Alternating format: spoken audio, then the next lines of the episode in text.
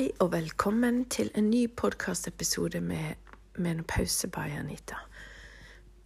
I dag så skal vi snakke om selvfølelse, der kropp og hode føles som i et fritt fall.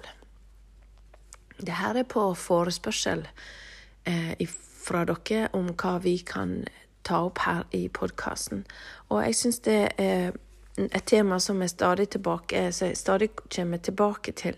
Fordi at det er jo en kjensgjerning nå. Vi vet i dag at overgangsalderen, og særlig perimenopausa, den, den fasen som kommer før mensen nødvendigvis er begynt å bli uregelmessig, og frem til du ikke har mensen lenger, den kan påvirke deg både fysisk og psykisk. Eh, påvirke deg i sosial sammenheng og gi deg de store, behov for store spørsmål og finne, prøve å finne svar. Så Derfor så tar vi eh, dette her i dag. Så selvfølelse er jo den der hvordan vi opplever oss sjøl, hvordan vi anser oss sjøl, og hvordan vi har det inni oss. Det kan være mange årsaker til at en, en opplever en endring i selvfølelse, men i felles for det her er jo at det kan virke som om flere kvinner opplever en større endring i selvfølelse i forbindelse med overgangsalderen. Litt forskning er det gjort, men igjen så er det så mange kvinner som sitter eh, alene hjemme, ikke alene da nødvendigvis, men som sitter med egne opplevelser, som ikke er blitt spurt om deres opplevelser. Så jeg tror at her eh, er det masse som ikke er avdekka, masse som ikke kommer fram, og at det skjer flere enn vi noen gang egentlig kan få forskning til å avdekke. Så når det gjelder selvfølelse og overgangsalderen, så henger det i hop. Og jeg skal gå litt gjennom nå hva som kan være medvirkende årsak. Jeg veit sjøl at um, jeg vet sjøl at når jeg var midt i min perimenopause, så eh, gikk jeg fra å egentlig være en, en kvinne med god sjøltillit, god sjølfølelse um, Skulle si trygg og god på hvem jeg er og hva jeg står for, og hva jeg Ja. Uh, sånn er jeg, og sånn er det. Og så hadde jeg altså en eh, knekk midt på i perimenopausen, der jeg nå i ettertid ser at det var, det var nok litt av det som handla om den her sjølfølelsesendringen. selvfølelsesendringen. Nemlig det her med at jeg syntes ikke jeg var jeg syntes ikke jeg var god nok. Jeg betvilte mine eh, kommunikative evner. Jeg, jeg, var så mottakelig for kritikk. Jeg var så mottakelig for um, andres meninger om hva jeg måtte hvordan jeg var. Sårbarheten var vel det som jeg syntes var mer uh, Jeg ser i etterkant var særlig økt. Og den sårbarheten er jo igjen det som kanskje går utover selvfølelsen. Fordi en kjenner ikke igjen seg sjøl, eller en kjenner ikke at En forstår ikke helt hvorfor dette her er blitt en greie. Jeg har jo alltid vært litt sånn uh, Pippi. Litt sånn uh, ja, men eh, sånn er jeg, og sånn er det, og jeg klarer meg, og eh, ja, eh, sånn må det være, og selvstendig Og det er jo Det var jeg òg under Per mine pauser, men på en annen måte en, eh, en liten sånn fighter. Men da, ble jeg I Per mine pauser mi så var jeg tidvis ikke en fighter. Jeg ble, jeg ble, jeg ble sårbar og um, Ja, jeg syns det var vanskelig. Synes at uh, omgivelsene var utfordrende. Jeg merket det òg sosialt i veldig stor grad. Jeg ble self-conscious, hva det heter, selvbevisst. Jeg har bodd uh, Unnskyld alle her engelske variantene av ordene, men jeg har bodd i uh, Når jeg var lita jente, så bodde jeg i Canada, så jeg, jeg har en engelsk uh, hjerne på veldig mange måter. Jeg bodde ikke her så veldig lenge, jeg bodde der bare to år fra jeg var ni til jeg var elleve.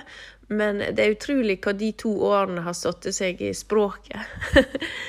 så for meg er jo engelsk et like naturlig språk som, som norsk, selv om jeg snakker bedre norsk enn engelsk.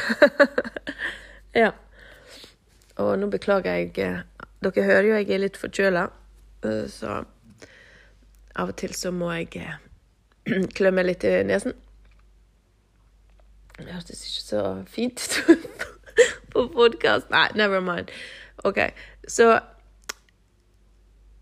jeg um, merkte den her selvbevisstheten sjølbevisstheten i forhold til at jeg eh, Når jeg, jeg hadde gjerne vært i en sosial setting, så kunne jeg gå hjem igjen. Uh, det kunne faktisk bare være så uskyldig som la med venninnene mine på klubb.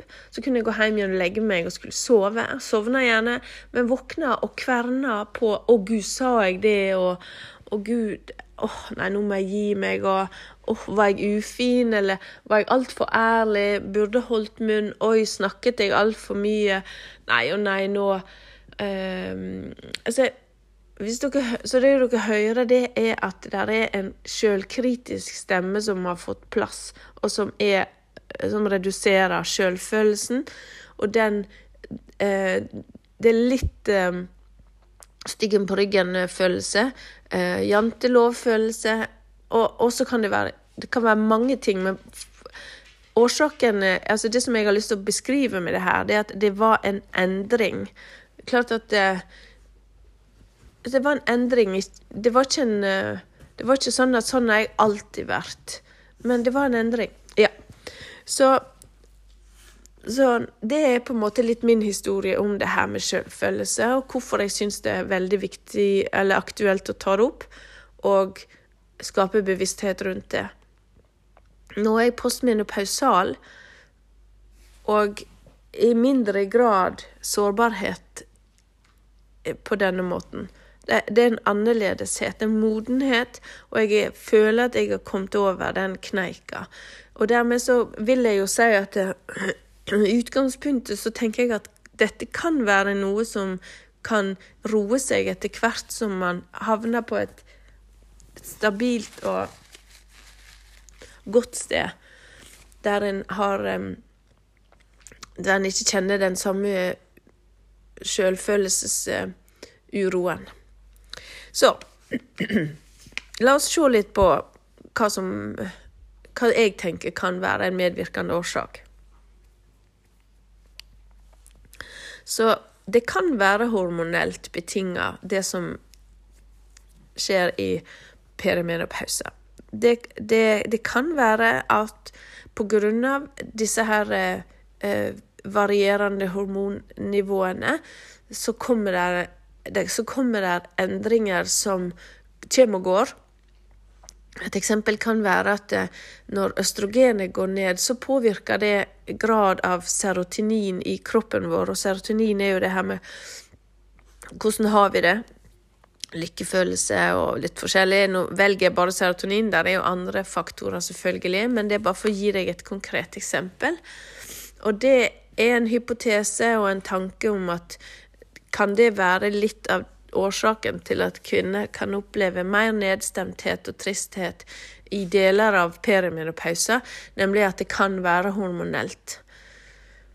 Um, og dermed så kan en si at derfor så kan en eh, Dette her kan jo kvinner være vant til. Hvis de er plaget med PMS, f.eks., så kan de jo kjenne det at de føler seg Alt er helt håpløst før mensen. At det, de er teite, de, ingenting, ingenting, er gøy. Alt er En er hissig, og en, og en opplever en, en, eh, ja, en nedtur, da. Og så det er klart at dette her kan være hormonelt. Men så er det de som Jeg har ikke vært så veldig plaga med PMS. Så for meg var det en markant forskjell på at det var ikke PMS på den måten som jeg opplever det, men en, en, en, en annerledes opplevelse. Så at det er hormonelt, ja, det er fullt mulig. Og det kan jo være at det ikke er ene og alene den at det er 100% av årsaken, men at det er en, en, en del av årsaken, og at det, en, eh, der det ligger en sårbarhet på toppen som gjør at det blir større enn det kan nødvendigvis hadde trengt å være, gitt alle andre faktorer. Sant? Og så har du da at eh, noe av det første som skjer i perimenopause sånn hormonelt, er jo òg at den ubalansen handler om at eh, eh, progesteronet vårt, som er det der hormonet som gir oss eh, eh, Som er med å holde ja, Altså beroliger oss, som gjør oss Gjør at vi kanskje sover bedre, og som er en viktig del av hormonbalansen vår, den går kraftigere ned enn østrogenet, og derfor så kan det være at um, så kan det være at det er med på å, å, å endre f.eks. søvnen vår.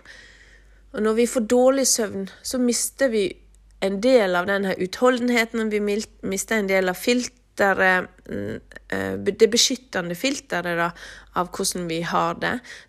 Er, mangel på søvn er jo nesten tortur. Sånn at det, er, det kan gjøre deg helt frynsete. Eh, det kan òg være en av årsakene til at eh, flere kvinner opplever morgenuro. Det kan være en av årsakene til at man, man um, opplever jeg skal si økt sårbarhet.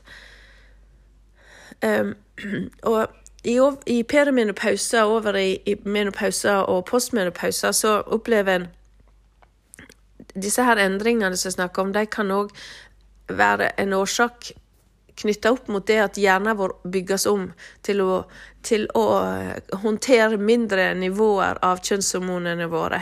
Og I denne ombygginga så, så, kan en få, få mindre En kan ha vanskeligere for å konsentrere seg, en kan ha større hukommelsesendringer, en, en syns det er vanskelig å huske ting, ordleitingsvansker, kommer ikke på hva folk heter, kommer ikke på hvor en la eh, fra seg nøklene, kommer ikke på hva en skal hen. Og da elsker jo jeg å fortelle den historien om meg som var bilen full av unger på vei til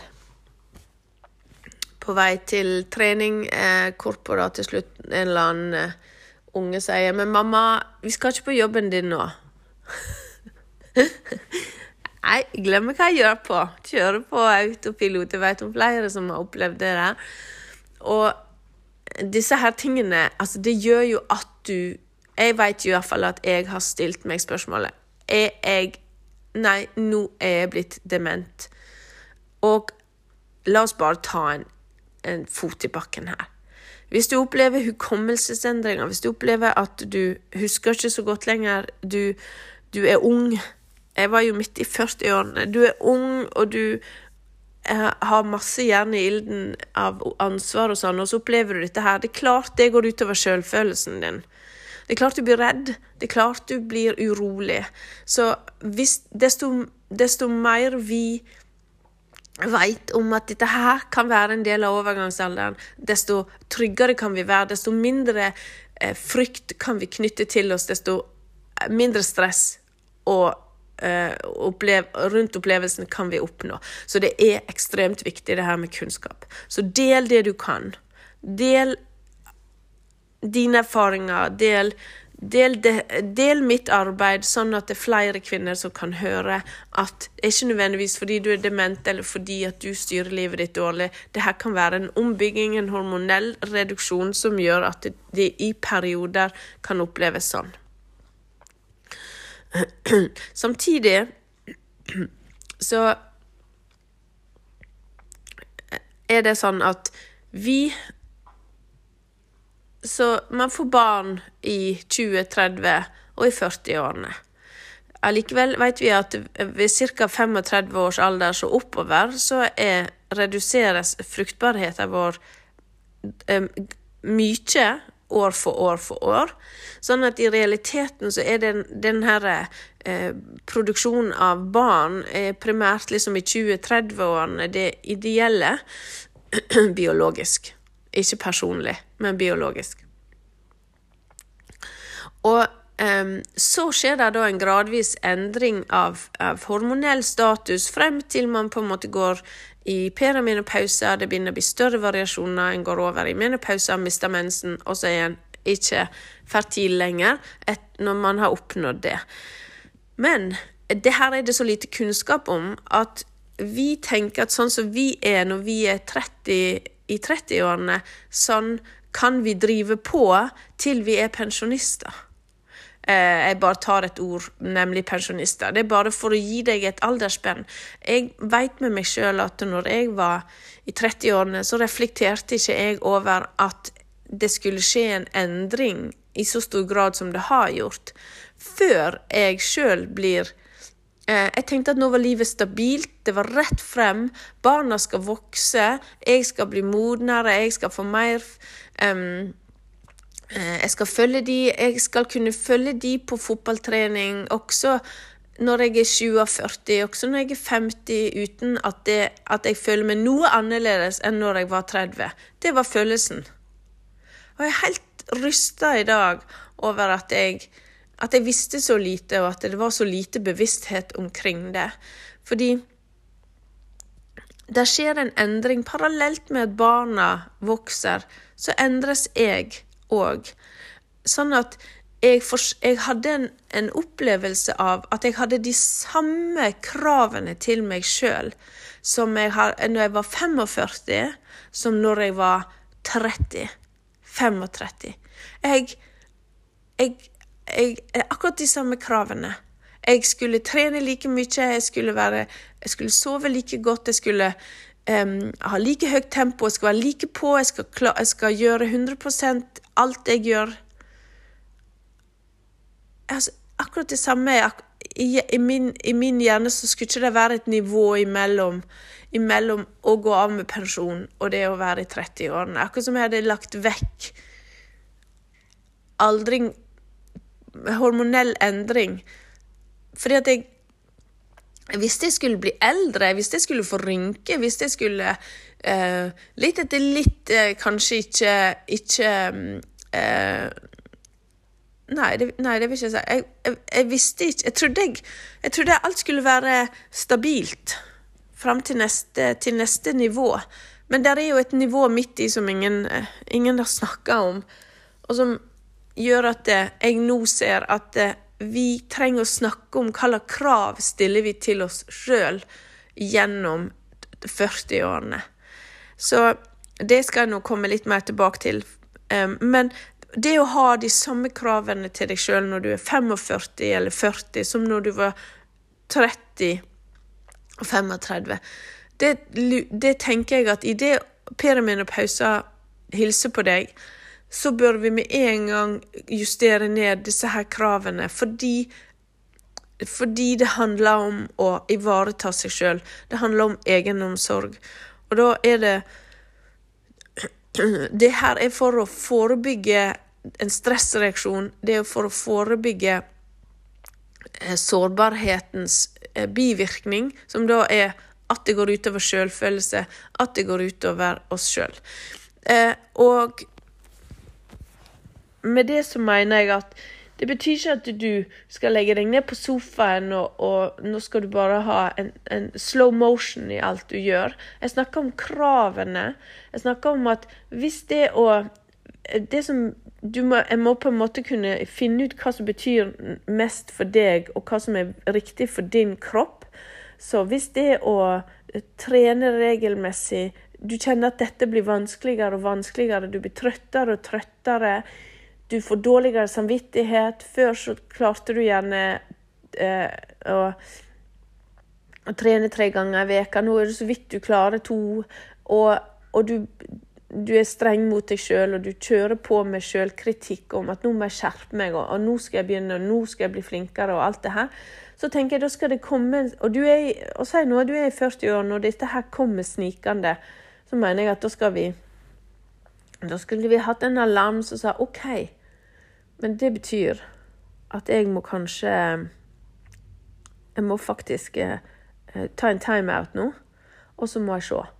Hva hva slags krav har jeg til meg sjøl, og hva skal jeg fire på, og hva skal jeg ta ned?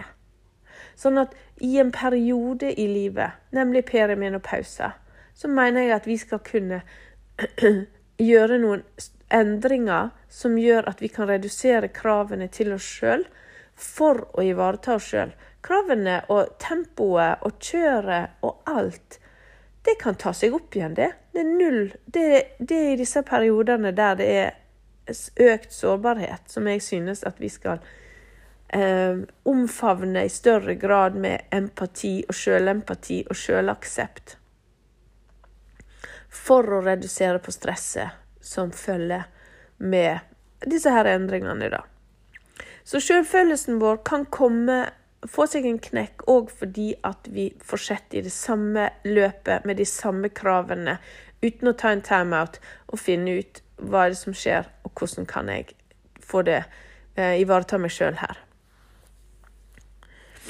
Så er det sånn at eh, verden er jo laga for å holde det samme tempoet som når du eh, var 30. Sånn at der er kanskje en, en mindre mulighet for å ivareta seg sjøl og tilpasse dagene etter våre behov. Vi er midt i karriere vi er midt i karriere, midt i en eh, tenårings- eller småbarnsfase når vi, når vi hilser på perimenopause.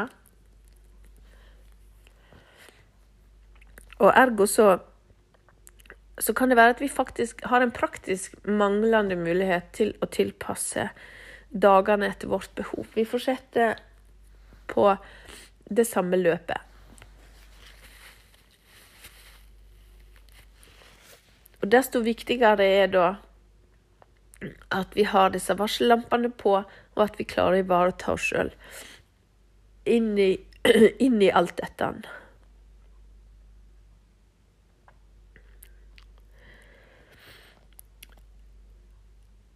Så stress er en, en, faktor som jeg tenker kan påvirke oss og sjølfølelsen vår.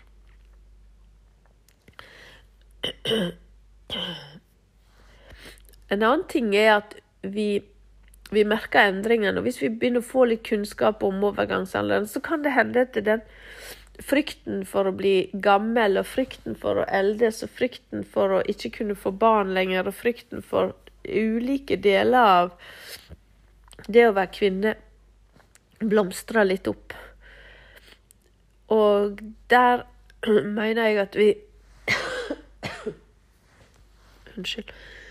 Og der mener jeg at vi absolutt bør skape en, en, en samtale, en debatt, en, en, åpenhet rundt det her med at vi lever i et samfunn der det er forhelliga det ungdommelige, det forhellige det vitale, som det kalles. Um, og det uh, det er forbundet med tabu og skam å bli eldre, Og at overgangsalderen er en av de tingene som på en måte markerer en endring i, i eldrestatus. det er jo Jeg var 47 år da jeg ble postmenopausal. Følte meg ikke gammel, følte meg ikke ordet eldre. Følte meg ikke som noe annet enn midt i livet. Og egentlig mer på den andre sida av midt i livet enn mot slutten, hvis du skjønner. Jeg kan fremdeles i dag ikke fatte og begripe at 40-årene skal skal være når, Det er da de fleste kvinner begynner å kjenne på perimenopausa.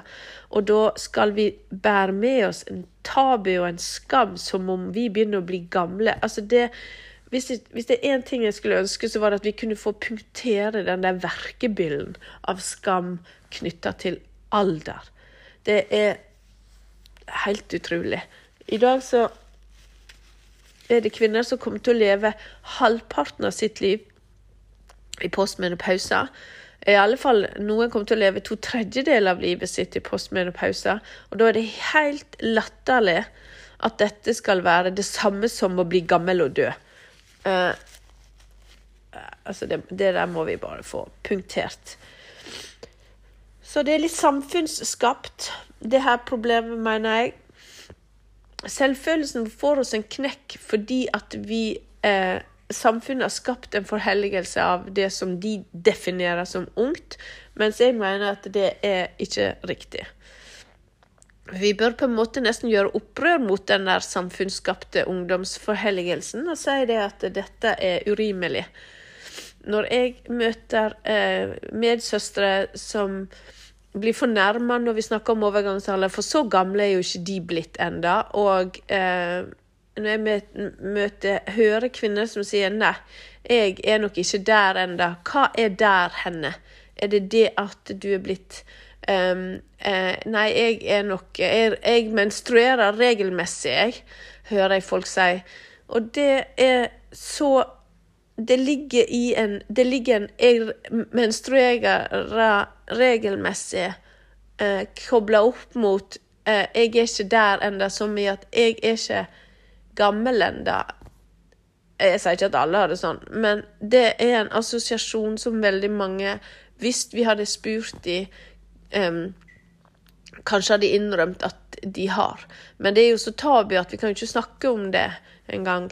Så dette er noe vi En verkebyll. Og jeg sier ikke at det, vi kommer til å leve i et samfunn der vi ikke har fokus på det, eh, men, men, men hva med å slå et slag for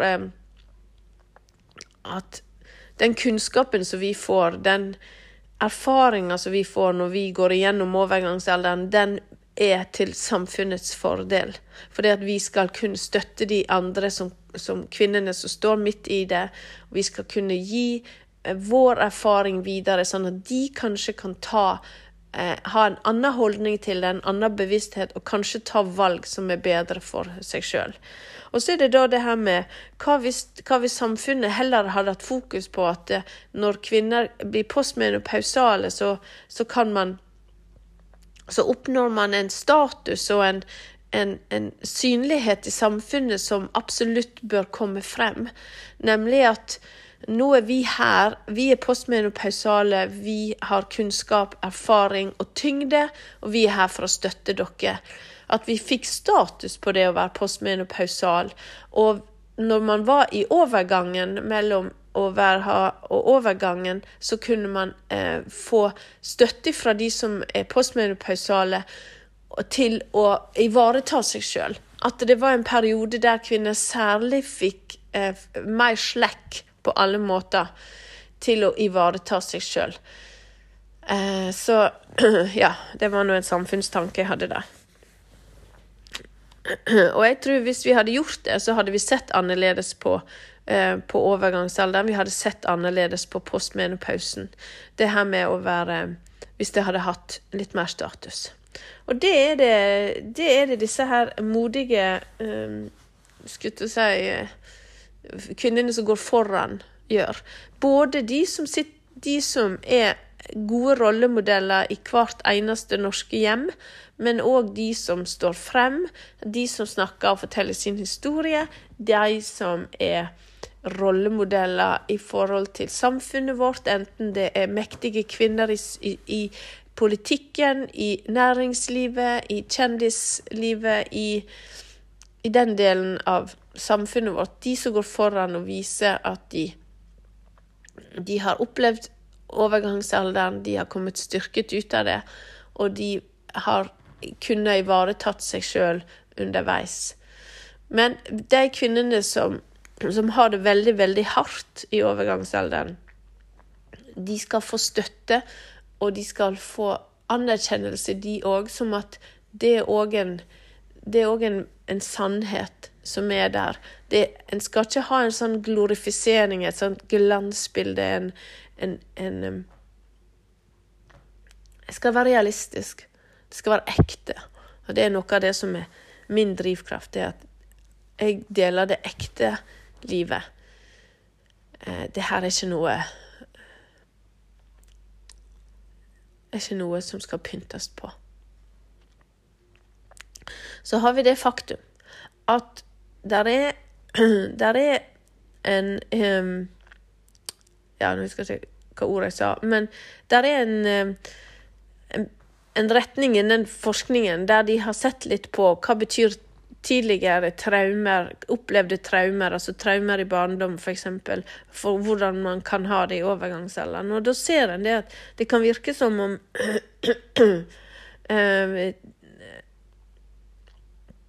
Alvorlige traumatiske hendelser i barndommen eh, setter seg i kropp og hode, naturligvis, og som kan gjøre en ekstra sårbar i overgangsalderen, i perimenopause.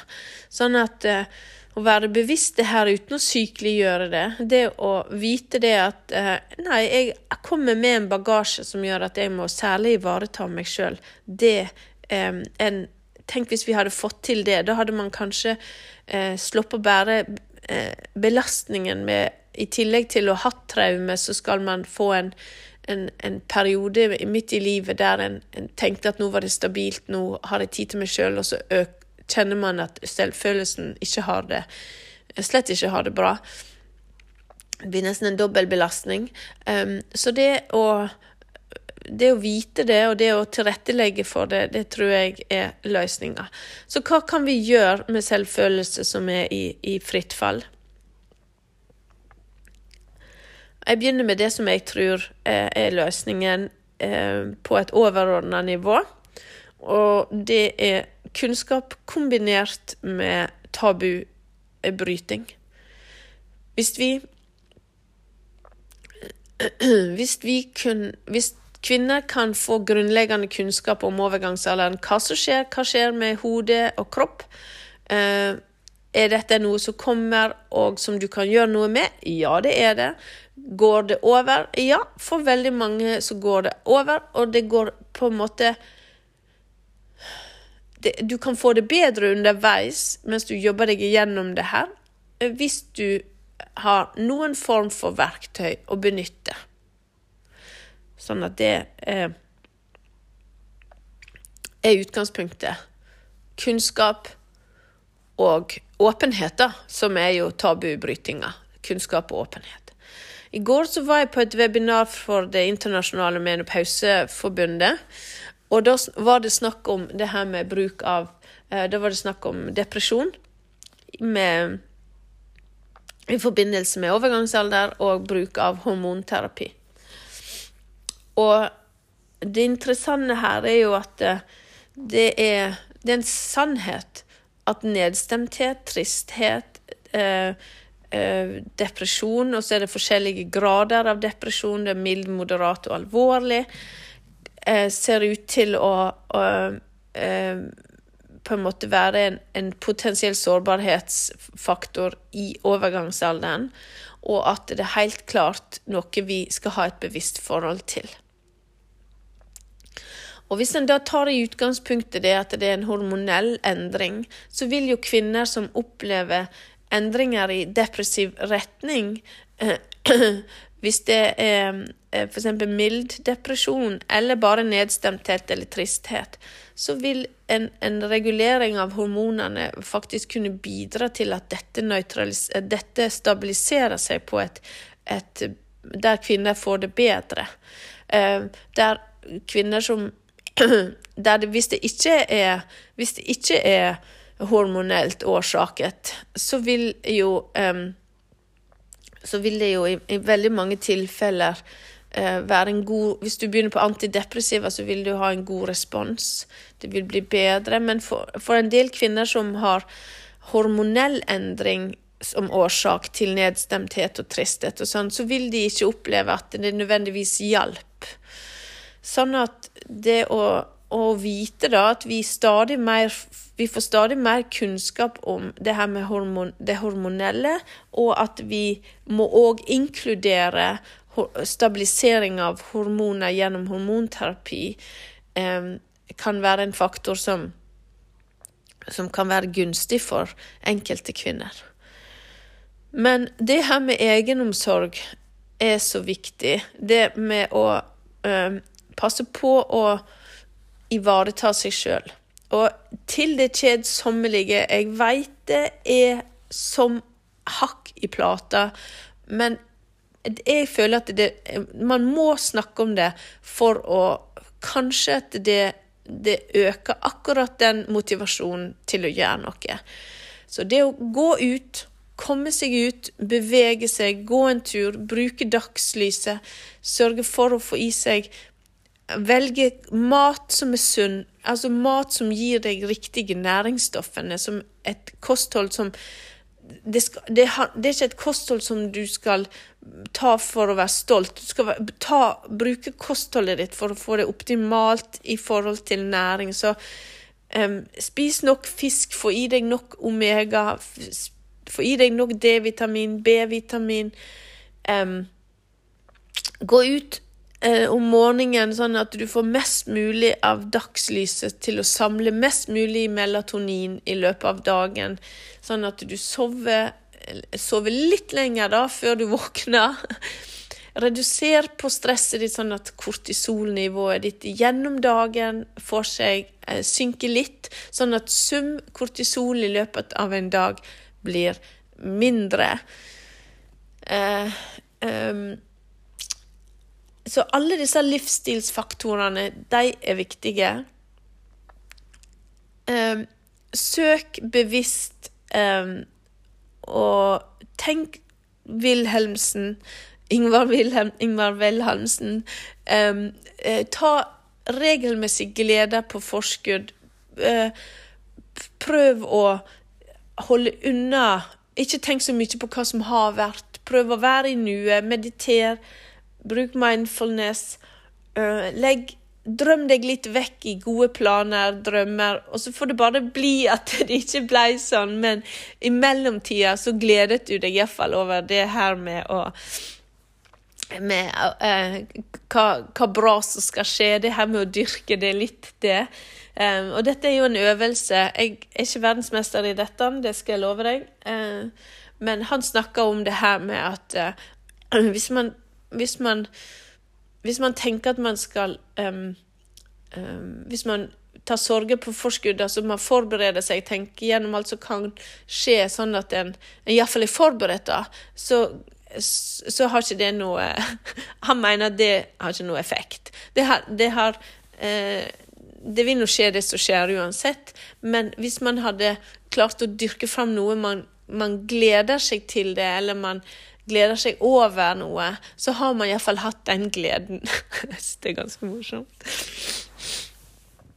Ikke bare morsomt, det er faktisk ganske viktig kunnskap. Jeg jobber med det. Det gjør jeg på akkurat nå. Nå driver jeg og prøver å systematisk ta glede på forskudd. Søren, ikke lett, altså. Så vi vet jo at når, når man beveger seg, og, og gjerne får opp pulsen litt, så skjer det noe i forhold til endorfiner, i forhold til gode hormonelle eh, endringer, og, og, og, og, ting virker bra. I tillegg så reduserer det jo selvfølgelig Hvis du trener, så reduserer det blodtrykket, som igjen gjør at du du også har det bedre, og, ja. Der er så mange faktorer innen dette her at det er ikke essensen i samtalen vår i dag. Så jeg lar den ligge. Men du skjønner, det er ikke likegyldig hva du spiser, hvordan du beveger deg, hva du gjør, hvordan du tenker. Og ikke la det bli et stress, da. For det kan hende at akkurat i dag så skal du bare sløve i skyggen. Det kan hende at akkurat i dag så skal ikke du drive og gjøre de tingene. I dag skal du bare eh, ta frem det, det du syns var gøy å gjøre for ti år siden. Hvis du synes hvis du har mista all interesse for alle hobbyer, så skal du tenke oi, dette er faktisk et, eh, et moment som jeg må ta frem igjen. Fordi det er en av de der tingene med at hva slags endring er det? Jo, eh, så hvis du hadde glede av å eh, binde krans, da Hvis du hadde glede av å strikke, hvis du hadde glede av å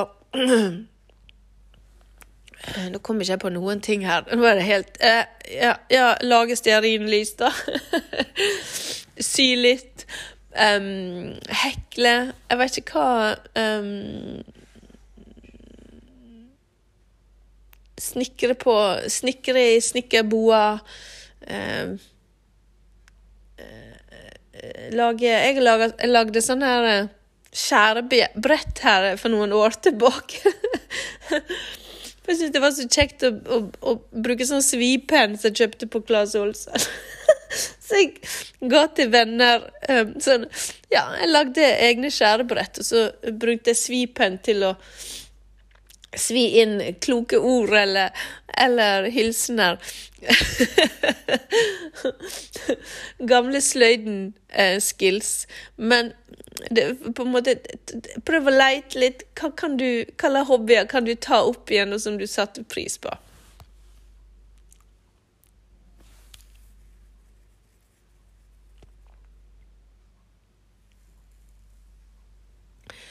Ja, så så, sånn er det. Um, det var med en liten personlig meddelelse der.